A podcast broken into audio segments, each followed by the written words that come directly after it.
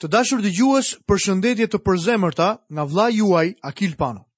Ju uroj mirëseardhjen në programin e sotëm dhe ju kujtoj në të njëjtën kohë që jemi duke studiuar në kapitullin e 22 të Ungjillit sipas Lukës, nga vargjet 39 dhe 40. Në këto momente do të shohim Jezusin, i cili shkon në kopshtin e Getsemanesë. Getsemaneja është një tokë e shenjtë, kështu që unë duhet të lëviz këpucët e mia shpirtërore dhe të qëndroj mbi këtë vend të shenjtë, të heq kapelen time shpirtërore, ndërkohë që i mbaj sytë tek rrëmbimi i tij. Shumë njerëz këndojnë tepër lehtë, unë do të shkoj me të përmes kopshtit, unë nuk mund të shkoj me të përmes kopshtit. Zoti Jezus i la dishepujt e tij jashtë këtij kopshti. Unë do të qëndroja jashtë me ta dhe të shikoja nga afër murin në errësirë dhe të dëgjoja vuajtjet e shpirtit të tij. Nëse zemrat tona janë të ndjeshme, ne duhet të falenderojmë Zotin për personin që shtrëngoi kupën e dhembjeve dhe vuajtjeve në buzët e tij dhe e piu atë deri në llumin e fundit. Ne nuk mund të depërtojmë në errësirën e kopshtit, por mund të kuptojmë më plotësisht kuptimin e kësaj kupe. Ashtu siç Jezusi ua dha njerëzve të tij në sallën e madhe në atë darkë të Pashkës. Kurdoherë që kam shijuar një kupë, ajo ka qenë e ëmbël, ndërsa Zoti ynë piu kupën e hidhërimit në mënyrë që kupa ime të ishte e ëmbël. Në atë kopsht ekziston një mister, apo një thellësi, por jo një dykuptimësi apo paqartësi. Ne do të bëjmë mirë ta adhurojmë atë, ashtu siç e shohim në kopsht dhe të kapim notat e zërit të tij. Ne tani shohim nëpërmjet një xhami të errët. Dikush shkroi: E dua Zotin sepse e njoh. E adhuroj atë edhe pse nuk mund ta kuptoj. Kështu pra unë adhuroj në kopshtin e Getsemanesë dhe nuk përpiqem të di gjithçka. Le të lexojmë më njëherë vargjet 39 dhe 40. Pastaj Jezusi doli dhe shkoi si zakonisht në malin e Ullinjve dhe dishepujt e tij e ndiqnin. Kur arriti në vend, u tha atyre: Lutuni që të mos hyni në tundim. Në këtë pasazh jepen dy shprehje që janë mjaft interesante. E para është shkoi si zakonisht dhe e dyta në vend. Me sa duket Zoti Jezus nuk qëndroi natën në qytetin e Jeruzalemit. Ne e pamë këtë në të ashtuquajturën hyrjen e tij triumfale në Jeruzalem. Jezusi u refuzua prej këtij qyteti, kështu që edhe ai e refuzoi qytetin. Mendoj që Jezusi ka kaluar çdo natë të javës së fundit të jetës së tij, ose në kopësht, ose në Betani.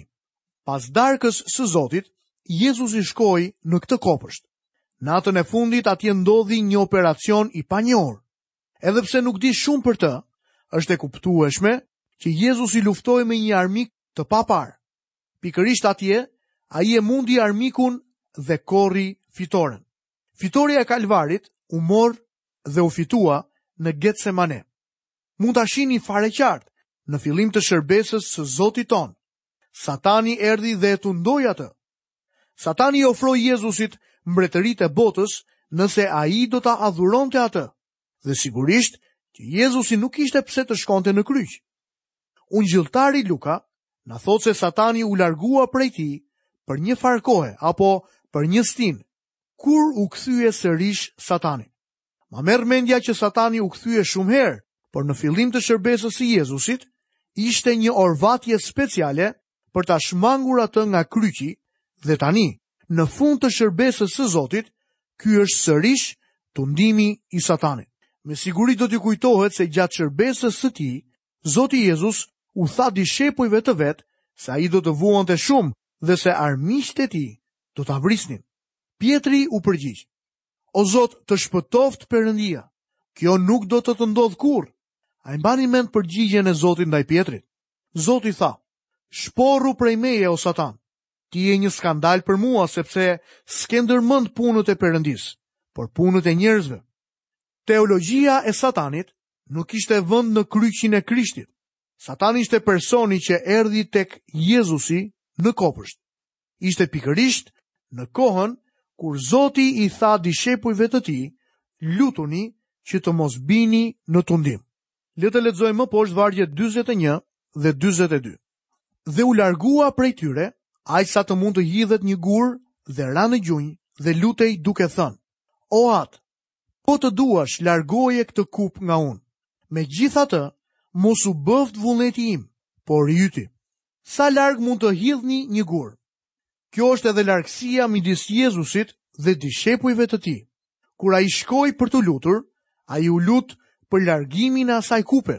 Ky është edhe subjekti që ka shkaktuar mjaft diskutim. Ka njerëz që mendojnë që Jezusi ishte aq i frikësuar sa që mund të kishte vdekur përpara se të shkonte në kryq. Nuk dëshiroj të jem dogmatik, por nuk shoh asnjë kuptim në këtë teori. Nuk ka asnjë meritë apo vlera në kryqin romak. Nuk ka asnjë meritë në dru. Merita qëndron në personin i cili vdiq aty. Nëse Jezusi do të kishte vdekur në trekëndëshat për varje apo në karrike elektrike, vdekja e tij do të kishte po të njëjtën vlerë. Edhe nëse Krishti do të kishte vdekur në kopshtin e Getsemanisë, vdekja e tij do ta kishte të gjithë meritën. Mendoj se kupa ishte kryqi dhe jo vuajtjet e vdekjes. Kupa ishte që ai Jezusi u bë mëkat për ne. Ai është i shenjti i Perëndisë. Kur mëkati im u vendos mbi të, kjo gjë ishte e neveritshme. Nuk e di pse mendojmë që jemi të hirshëm përpara Zotit. Mëkati im i vendosur mbi Jezusin ishte i neveritshëm dhe i tmerrshëm. Pikërisht në kopshtin e Getsemanisë, nën hijen e kryqit, u shfaq sërish tunduesi për t'i ofruar Jezusit kurorën pa kryqin. Gjithsesi, Zoti kishte ardhur për të bërë vullnetin e Atit, kështu që ai mund të thoshte, megjithatë, mos u bëftë vullneti im, por i yti. Ai e përkushtoi veten e vet ndaj vullnetit të Atit, edhe pse mbartja e mëkateve tona ishte aq e neveritshme për të. Lexojmë vargun 43. Atëherë iu shfaq një engjëll nga qielli për t'i dhënë forcë. Në kohën e tundimit të Zotit tonë në shkretëtirë, pati një shërbesë engjëjsh. Sërish në kopsht kur Satani vjen ta tundojë atë, ka një shërbesë engjëjsh. Luka është i vetmi që e regjistron këtë fakt. Lexojmë vargun 44. Dhe ai duke qenë në agoni, lutej edhe më fort, dhe djersa e tij po i bëhej si gjak i mpiksur që bie për tokë. Ungjilltar i Luka është i vetmi që na tregon se Zoti Jezus djersiti në formën e pikave të mpiksura të gjakut. Zoti reagoi në mënyrë të tmerrshme fizike ndaj agonisë, presionit dhe konfliktit me të cilin po përballej. Unë nuk mund ta shpjegoj dot se çfarë ndodhi dhe as nuk propozoj të përpiqemi të bëjmë diçka të tillë. Gjithsesi, nuk jam i habitur nga shpjegimet biologjike që ofrohen sot. E kuptoj që ka disa doktorë të mrekullueshëm të krishterë që nxorën disa shpjegime interesante, Por këto nuk më bëjnë asnjë përshtypje. Jezusi derdhi gjakun e tij për mua dhe unë përulem përpara tij në shenjë nderimi dhe adhurimi.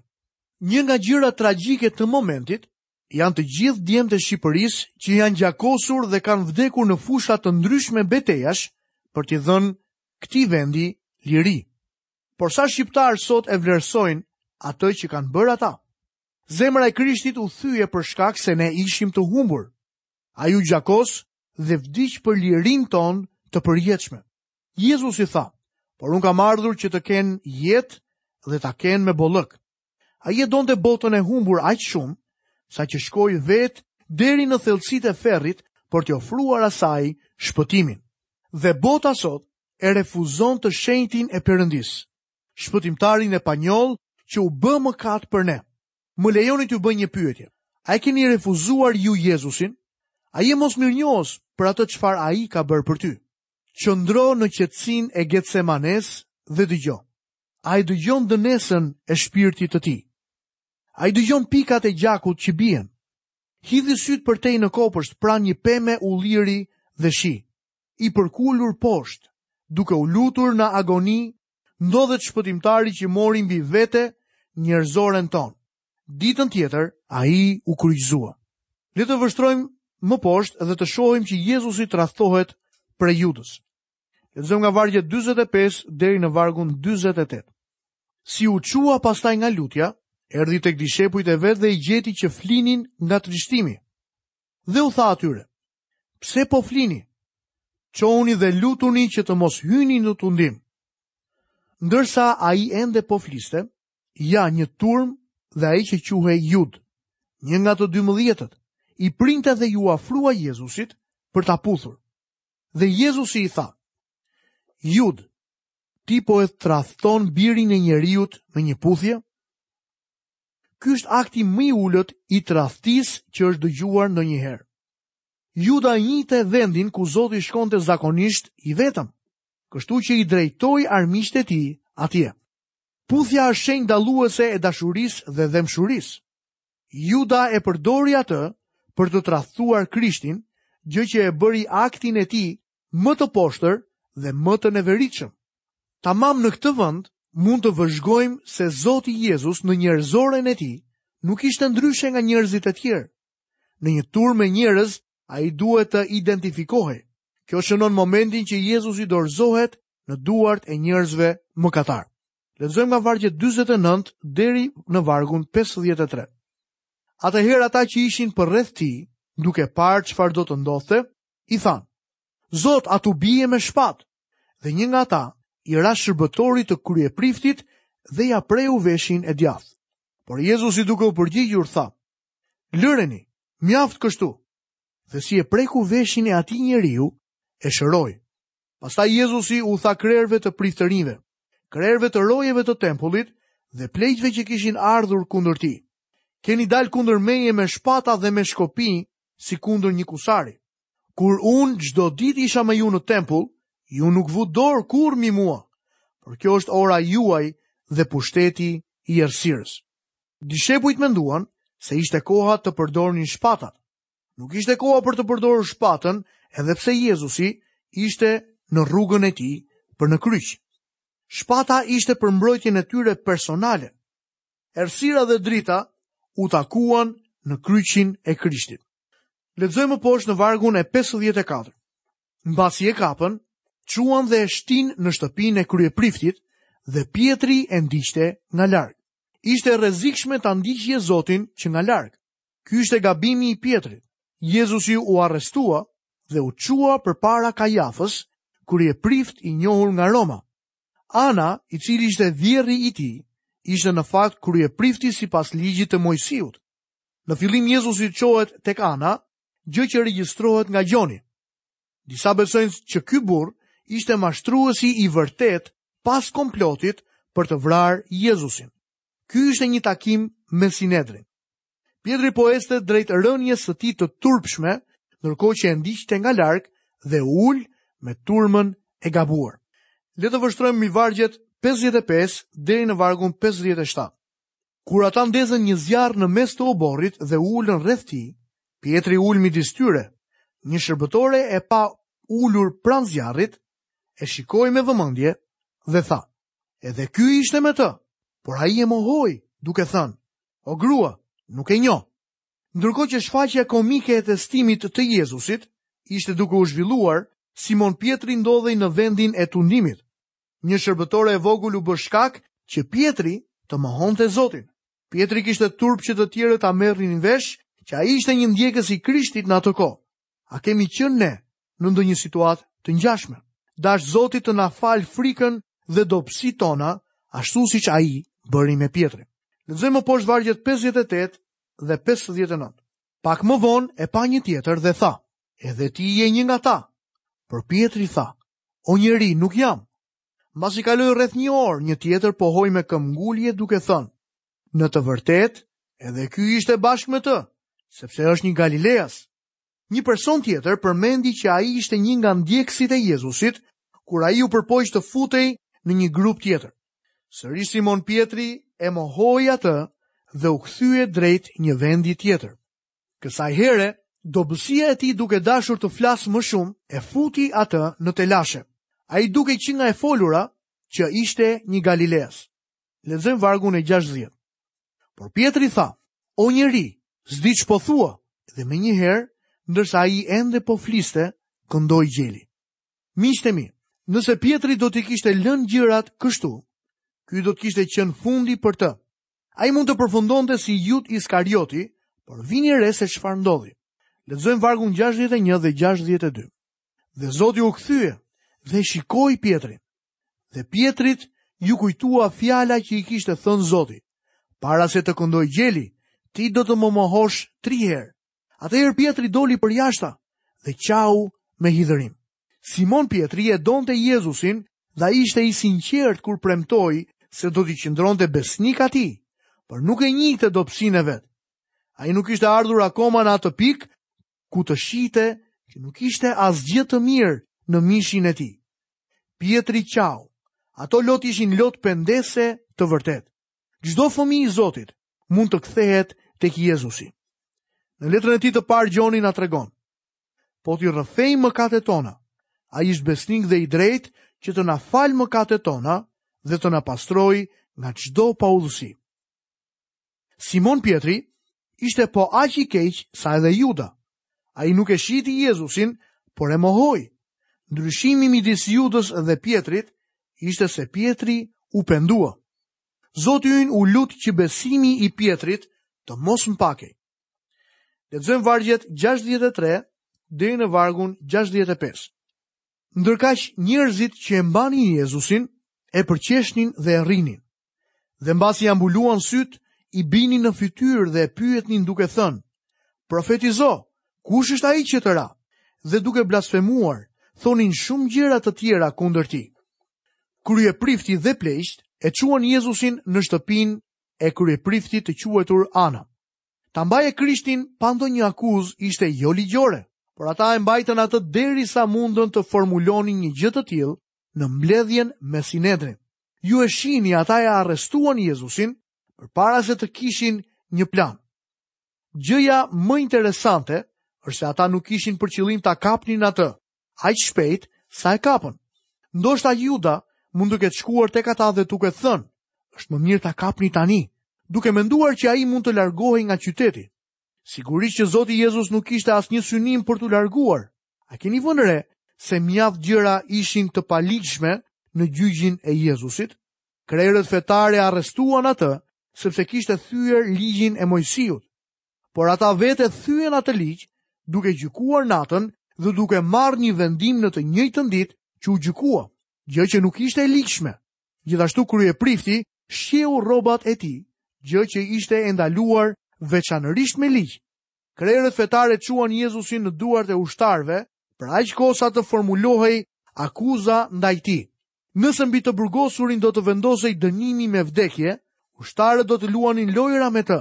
Loja që luajtën me Zotin quhej dora e nxehtë. Çdo ushtar do të mblidhte grushtin e tij para të burgosurit me sy të lidhur dhe do ta godiste atë.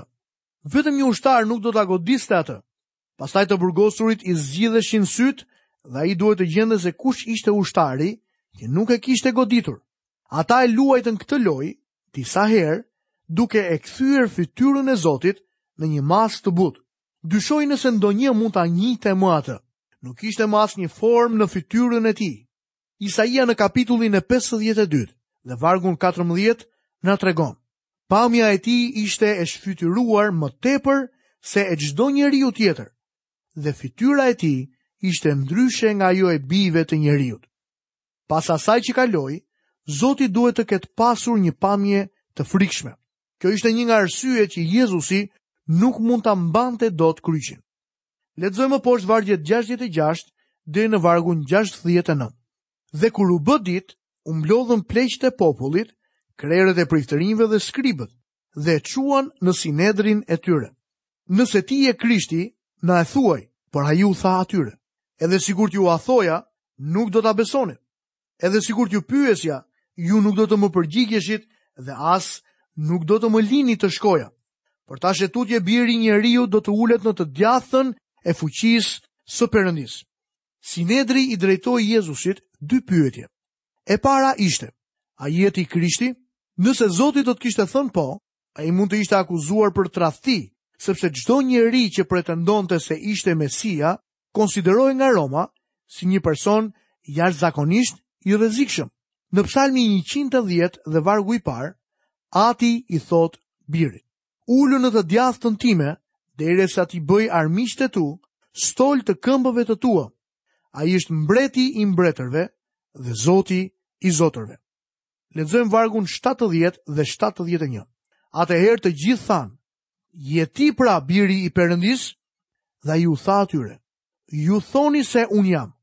Kjo ishte akuza e tyre e dytë. Atëherë ata thanë, Ç'nevojë kemi akoma për dëshmi? Ne vetë e dëgjuam nga goja e tij. Kjo është baza mbi të cilën ata njerëz ranë dakord për ta kryqëzuar Jezusin.